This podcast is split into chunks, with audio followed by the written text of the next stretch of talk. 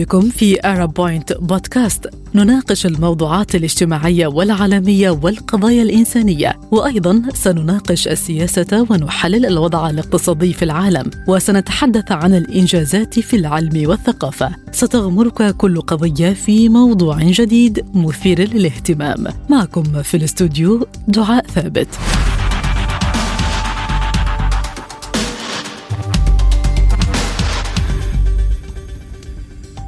تشير التقارير والإحصائيات الدولية إلى أن المواطن العربي هو الأقل قراءة عالميا حيث أوضح تقرير التنمية البشرية لعام 2003 الصادر عن اليونسكو بأن كل 80 مواطنا عربيا يقومون بقراءة كتاب واحد في السنة في حين يقرأ المواطن الأوروبي نحو 35 كتابا. وبالرغم من هذه الإحصائيات الصادمة إلا أنه بحسب أحدث بيانات NOP World Culture Score Index حول المؤشر العالمي للإنجاز الثقافي والصادر عن شركة ستاتيستا الألمانية المتخصصة في بيانات السوق والمستهلكين بالاشتراك مع صحيفة اندبندنت البريطانية فقد دخلت مصر والمملكة العربية السعودية ضمن الدول الأكثر قراءة عالميا. واحتلت مصر المرتبة الخامسة بين دول العالم الأكثر قراءة بمعدل سبع ساعات وثلاثين دقيقة أسبوعيا فيما جاءت السعودية في المرتبة الحادية عشر عالميا بمعدل ست ساعات وست وأربعين دقيقة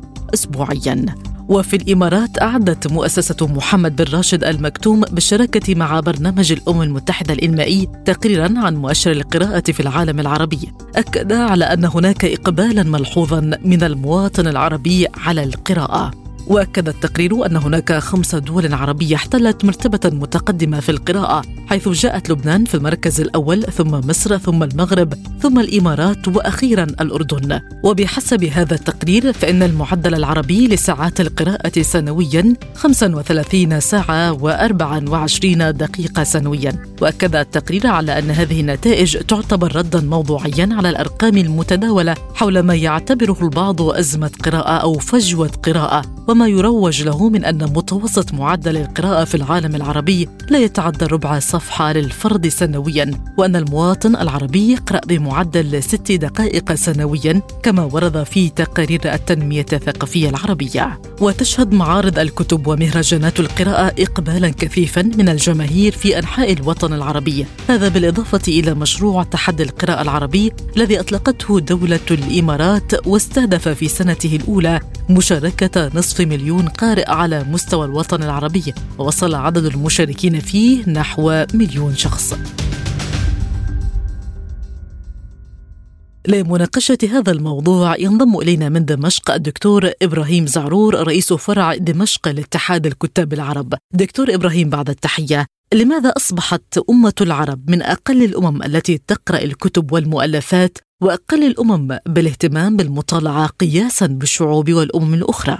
طبعا هناك أسباب قريبة وأسباب بعيدة، أنا في تقدير الأسباب البعيدة هي كون الوطن العربي منذ أكثر من 100 عام خضع لإيرادات استعمارية آه، لإيرادات تقسيميه وتجزئية وتفكيكيه للمجتمع العربي إلى دويلات وإلى اقطار وإلى محميات ومشيخات. وبالتالي هذا يضعف الثقافة العربية آه، وتتحول إلى ثقافة قطرية ومحلية بدل أن تكون ثقافة عامة لتحكم المواطن العربي من المحيط إلى الخليج، إضافة لذلك عوامل الفقر والجهل والتخلف وأيضا وجود السلطات الحاكمة يعني الأنظمة الحاكمة لا تريد للجماهير العربية أو للقارئ العربي أو للمثقف العربي أن يأخذ مكانه الطبيعي في ومسؤوليته الأخلاقية ومسؤوليته الثقافية والفكرية، في تضييق على الفكر على حرية الفكر وانتقاله بشكل مريح وبقنوات طبيعية، آه، وبالتالي أحيانا يعاني القارئ أو المثقف أو المفكر آه، من ممارسه السلطات الموجودة في البلدان العربية على هذه الشريحة، أيضا ربما هناك تراجع في البرامج التربوية والتعليمية في المدارس وفي الجامعات وفي المؤسسات الثقافية. آه، في لا يوجد ميزانيات حقيقة آه، تفي بالغرض وتؤدي آه، أيضا آه، مسؤوليته تجاه القارئ العربي أو المواطن العربي، يعني هناك عوامل متعددة، يعني العوامل المباشرة كون اليوم العالم أصبح قرية فضائية وأصبح الآن في عالم افتراضي هو العالم الإلكتروني وصار هناك شبكات التواصل الاجتماعي المتعددة آه، التي يستطيع القارئ أو المهتم أو الباحث عن أي قضية أن يذهب إلى هذه المواقع الإلكترونية ويحصل عليها من خلالها على المعلومة. آه، أيضا هناك حقيقة الغلاء في مسيرة طباعة الكتب في طباعه القصص، الروايات، الشعر، الأجناس الأدبية المتعددة أيضا صار من الصعب على الشاعر أو المفكر أو السياسي أو الفيلسوف أو العالم آه، أن يطبع آه، إنتاجه العلمي أو إنتاجه الثقافي أو الفكري لأنه مكلف آه، غلاء في في الطباعة في ثمن الورق في ثمن في الجهد في التكلفه العامة. أيضا هذا عامل يسهم في هذه القضية. إضافة لكل هذا وذاك حقيقة العالم اليوم هو عالم كما قلنا هو عالم افتراضي يعني عالم ذهب إلى إلى المواقع بشكل افتراضي بشكل وتستطيعين قراءة أي كتاب أو أي رواية أو قصة أو بحث أو دراسة من خلال الدخول على مواقع اليوتيوب أو وغيرها أو الفيسبوك أو غير ذلك. يعني حقيقة يعني جملة عوامل هي تشكل هذا الهم للقارئ العربي للمواطن العربي للجمهور العربي. وليس هو السبب في تكوين الإنسان العربي إضافة لأنه آه، أوروبا التي هي أخذت آه، ثروات الوطن العربي ونهبتها وسيطرت عليها بشكل أو بآخر سواء عبر الحركة المصرفية أو الحركة الاقتصادية. ومحاولة إتباع هذه الأنظمة إلى مؤسسات الغرب التي تهيمن على ثقافة العالم بشكل أو بآخر وتحاول أمركة العالم بمفرداتها بثقافتها آه، بنمط في الحياة بنمط الثقافي بنمط بالتعامل في السينما في المسرح في الكتاب في كل شيء. يعني كل هذه العوامل حقيقة أدت إلى هذا التراجع. آه، الذي نراه وهو أمر محزن آه، في واقعنا العربي. مع التحديات التي يواجهها الكتاب هل تعتقد أن يتراجع عددهم وحجم الكتب في المستقبل أم يتم اللجوء للعالم الافتراضي؟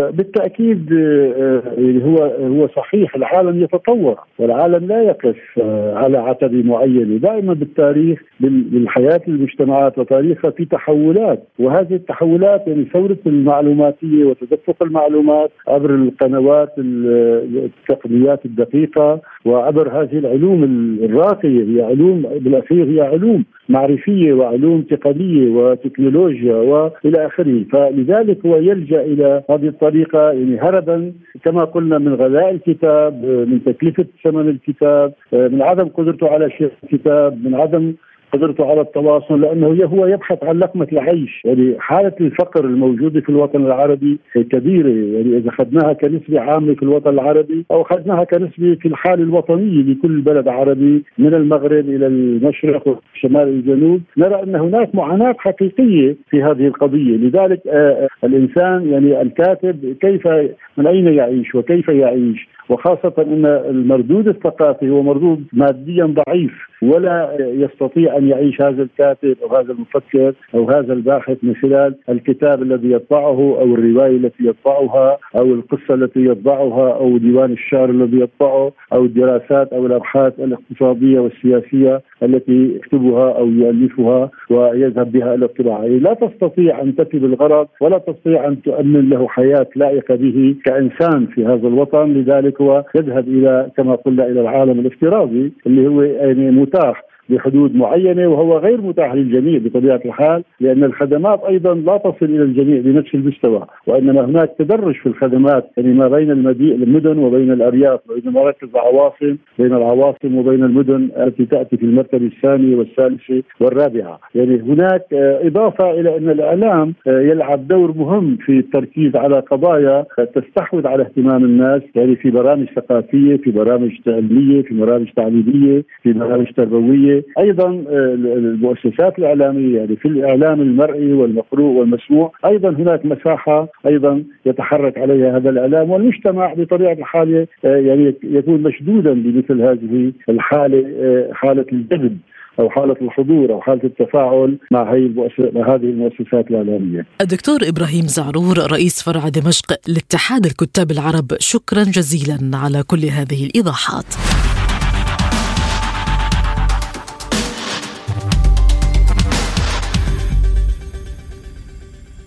كما ينضم إلينا من القاهرة مدير الهيئة العامة للكتاب الدكتور هيثم الحاج علي. دكتور هيثم بعد التحية، إلى أي مدى تتفقون مع ما يشاع بأن المواطن العربي هو الأقل قراءة عالميا ولماذا التضارب في الاحصائيات الخاصة بالقراءة؟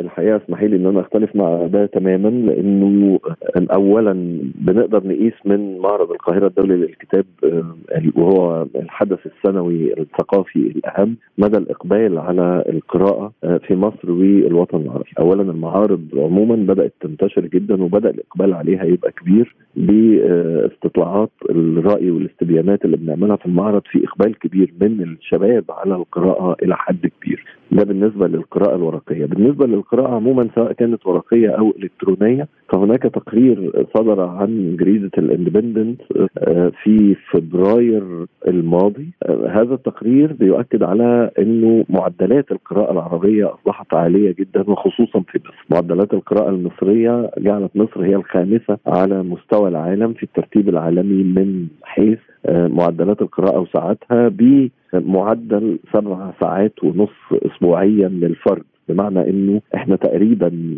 نقارب المليار ساعة قراءة أسبوعيا. وهذه نسبة عالية جدا. مصر هي الخامسة عالميا الأولى على مستوى الوطن العربي والمعدل عالي إلى حد كبير. وبالتالي فيعني مش عايز أقول نشكك في هذه المقولات لكن هذه المقولات أصبحت كال يعني كالمعارف الطائرة في الهواء التي لا تستند على حقائق على الأرض. نحن لدينا جيل قارئ بالفعل من الشباب. ربما نحتاج للنظر إلى ما يقرؤون ما الذي يقرؤوه؟ بالفعل لكن بالنسبة للمعدلات فهناك إقبال كبير. عادت إلينا مرة أخرى آلية أو فكرة ال best seller. هناك كتب تبيع في معرض القاهرة فقط 30 ألف نسخة أو 40 ألف نسخة وهذا معدل عالي جدا. هل يمكن القول إن نسبة القراءة كانت في فترة ما متدنية ثم ارتفعت مؤخرا؟ وإذا كان هذا صحيح ما دور معارض الكتب في هذا الإطار؟ ونذكر هنا أيضا مشروع تحدي القراءة العربية. بالطبع نحن في معرض القاهرة وهذا ما أستطيع أن أتحدث عنه في معرض القاهرة الدولي للكتاب آه الذي يقام سنويا في شهر يناير. ركزنا على أن يكون المعرض ليس مجرد آه سوق للكتب سوق للكتب لكن ركزنا على أن يكون فعالية ثقافية كرنفالية آه تعكس ما يحدث في المجتمع المصري أو في المشهد الثقافي المصري على مدار العام ربما يكون ذلك جاذبا بشكل كبير إلى فكرة القراءة بالنسبة للشباب الفعاليات الجاذبة هي ما جعلت هذا المعرض يرتاد أكثر من ثلاثة ملايين زائر في كل دورة في خلال 15 يوم وهذا رقم كبير جدا بالنسبة للجمهور. لكن يجب أيضا أن نشير إلى مجموعة من المبادرات والمشروعات التي أدت إلى تنمية فعل أو عادة القراءة لدى الأطفال ومن ثم الشباب ثم الجمهور عموما. أنت أشرت إلى مشروع تحدي القراءة في الإمارات وأنا أشير هنا إلى مكتبة الأسرة مشروع مكتبة الأسرة في مصر ومبادرة ثقافتك كتابك التي أطلقتها وزيرة الثقافة المصرية والتي تركز على الترويج للقراءة عن طريق إتاحة الكتب بأسعار لا تجاوز تحت إطار هذه المبادرة. لا تجاوز ال 20 جنيه يعني ما يزيد قليلا عن دولار واحد للنسخة. هذا هو سقف الأسعار في هذه المبادرة وهي مبادرة بالفعل أسهمت في الترويج لعدد كبير جدا من نسخ الكتب أثناء عمل المبادرة. يعني في أول شهر عملت فيه المبادرة تم بيع من خلال هيئة الكتاب فقط حوالي 60 ألف نسخة 60 ألف نسخة يتراوح سعرها من جنيه إلى 20 جنيه. هذه المبادرات مع معارض الكتب التي صارت احداثا مهمة في كافة بلاد الوطن العربي في ظن أنها وجهت نظر كثير من الجمهور كثير من الأفراد إلى أهمية القراءة التي أصبحت الأسرة المصرية أنا نتحدث عن الأسرة المصرية أصبحت تعامل قراءة الطفل ليس بوصفها ملء الوقت الفراغ لكن بوصفها عنصر مهم في بناء الشخصية وبناء مستقبل الأطفال. مدير الهيئة العامة للكتاب الدكتور هيثم الحاج علي شكرا جزيلا على هذا اللقاء.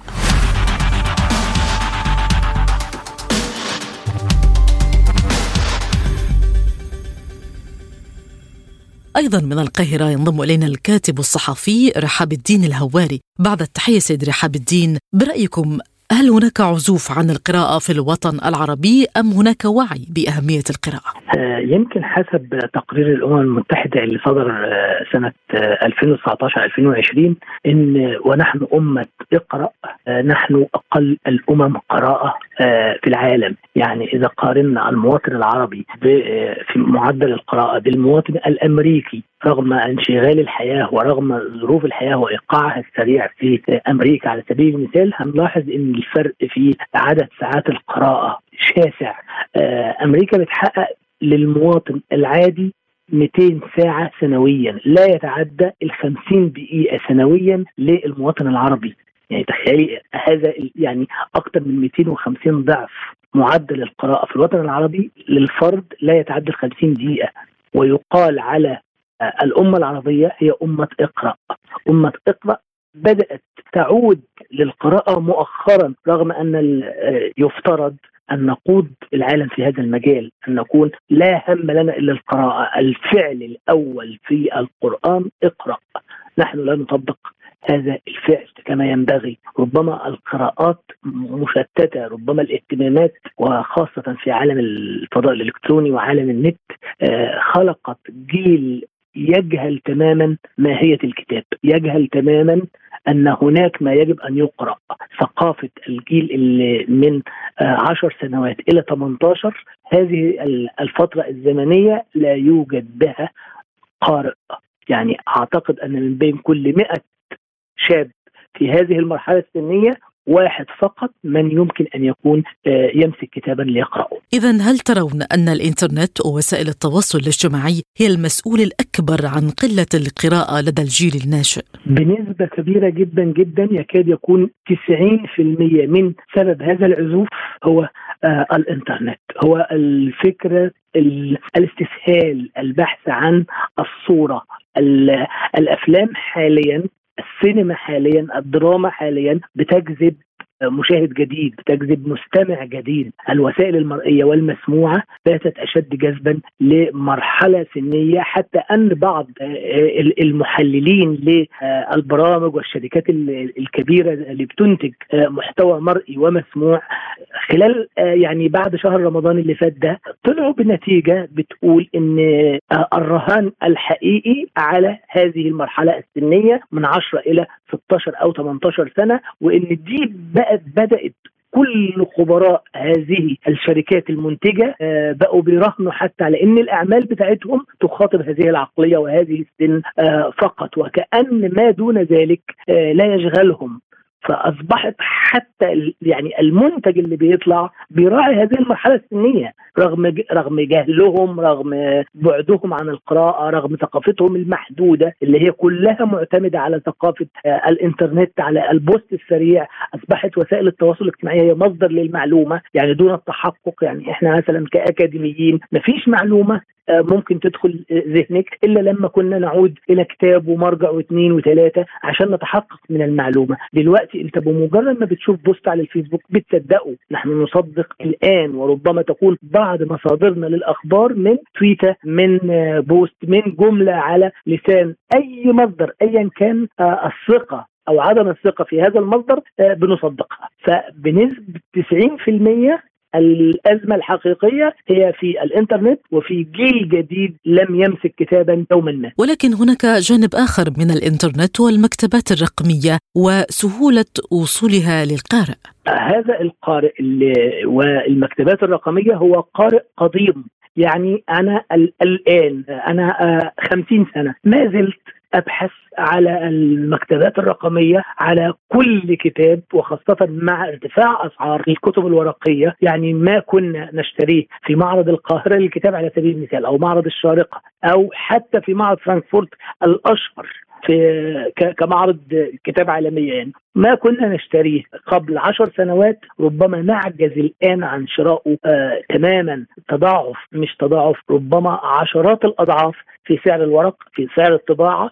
جعل إحجام شديد جدا من دور النشر على آه الكتاب الورقي بعد دور النشر العالمية والعربية المشهورة. أصبحت الآن تعتمد على ال digital تعتمد على ال PDF تعتمد على النسخ الإلكترونية وليست الورقية. دور نشر تحجمت تماما عن الطباعة الورقية وأصبحت العقود أصلا مع الكتاب عقود إلكترونية ويقاس حجم المبيعات بحجم تحميل الكتاب أو بحجم عدد مرات قراءته من على المنصات الإلكترونية. هذا الرهان على قارئ قديم وليس على قارئ جديد. يعني لا يوجد لدى هؤلاء دور النشر ولا معارض الكتاب قارئ جديد يراهنون عليه. كل ما يتم الرهان عليه هو القارئ القديم اللي ممكن يكون سنه ما فوق ال 25 أو بعض الأطفال اللي لازم يتقدم لهم مادة مرئية وربما بشكل أو بآخر يكون عنصر الجذب فيها أكثر من عنصر الكتابة القراءة سيد رحاب الدين هناك المبادرات الفردية للقراءة ومعارض الكتب إلى أي مدى يمكن أن يساهم ويثري كل ذلك الثقافة ويشجع على القراءة؟ المشاريع العربية اللي بتحصل لو لاحظت حضرتك حتى الجوائز وقيمة الجوائز اللي يعني لما يبقى عندنا جائزة زي كتارة عندنا جائزة زي البوكة العربية عندنا جائزة زي الشيخ زايد هذه الجوائز قيمتها المادية ربما تكون أغلى الجوائز عالميا أغلى قيمة على الإطلاق. ربما لا يوجد جائزة أجنبية تمنح مثل هذه المبالغ. إذا لاحظنا الحاصلين على هذه الجوائز خلال العشر سنوات الأخيرة هي أسماء لكتاب متحققين بالفعل. هي أسماء لكتاب كبار. ربما البوكة العربية الأخيرة آه يعني كانت مفاجأة أن يحصل كاتب ليبي شاب على الجائزة رغم المنافسة الشرسة بين ست روايات في الوطن العربي لخمس كتاب منهم معروفين بالفعل ومتحققين بالفعل باستثناء هذا الكاتب الليبي اللي عمره 30 سنة وهي أول عمل ليه يبقى اذا الفئه العمريه زي ما قلت لحضرتك حتى هذه الجوائز بتؤكد أن الفئه العمريه ما فوق ال 25 هي التي تكتب وهي التي تقرأ. حتى القراءة الإلكترونية أيضا تتحقق مع هذه السن. بالنسبة للمبادرات العربية زي مبادرة الإمارات وإقرأ تشجع على القراءة ولكن هتلاقي كل المشاركين فيها هم من بيوت أهلها مثقفون وقراء. البيوت في الأصل التي أنتجت هذا الشاب القارئ أو هذا الطفل القارئ هي في الاساس في الأساس لبيوت تقرأ لأسرة تقرأ لأب وأم يقرؤون. اذا العبء الأكبر في التوعية بالقراءة يقع على الأسرة وتربية النشء على هذه العادة أليس كذلك؟ طبعا طبعا الأسرة لها الهم الأكبر الآن. الأسرة حاليا التي فيها أرباب يقرؤون هتلاقي أبنائها يقرؤون أيضا. حضرتك تحدثت عن النشء وقلة القراءة لديهم. ما المتوقع اذا من كتاب المستقبل؟ بالعكس إحنا لو جينا شفنا عدد الإصدارات في لحد مثلا آه العشر سنوات الأخيرة رغم إن القارئ بي بيقل عدد الكتاب بيزيد جدا جدا جدا. ربما لأن عدد دور النشر زاد وربما في زحمة من الزمن انتشرت دور نشر غير عادية بكميات غير عادية. في ف... ربما مثلا بتكلم في الوطن العربي تحديدا ما بعد ما يعرف بالربيع العربي ما بعد 2011 زادت كمية دور النشر بشكل غير مسبوق ربما تضاعفت تضاعفت بأرقام غير عادية، الرغبة في التعبير عن المشاعر ظن البعض أنها قد تكون كتابة إبداعية أنها قد تؤتي بكاتب جديد. فظهرت دور نشر كثيرة وحتى إن كان المنتج لا يليق بفكرة الكتاب. يعني أصبح هناك كتاب حصلوا على هذا اللقب وهم يدونون ما لا يمكن قراءته وما لا يستحق قراءته. شكرا جزيلا للكاتب الصحفي رحاب الدين الهواري على كل هذه الإيضاحات. كنا معكم في أرب بوينت بودكاست اشترك واضغط like واكتب تعليق.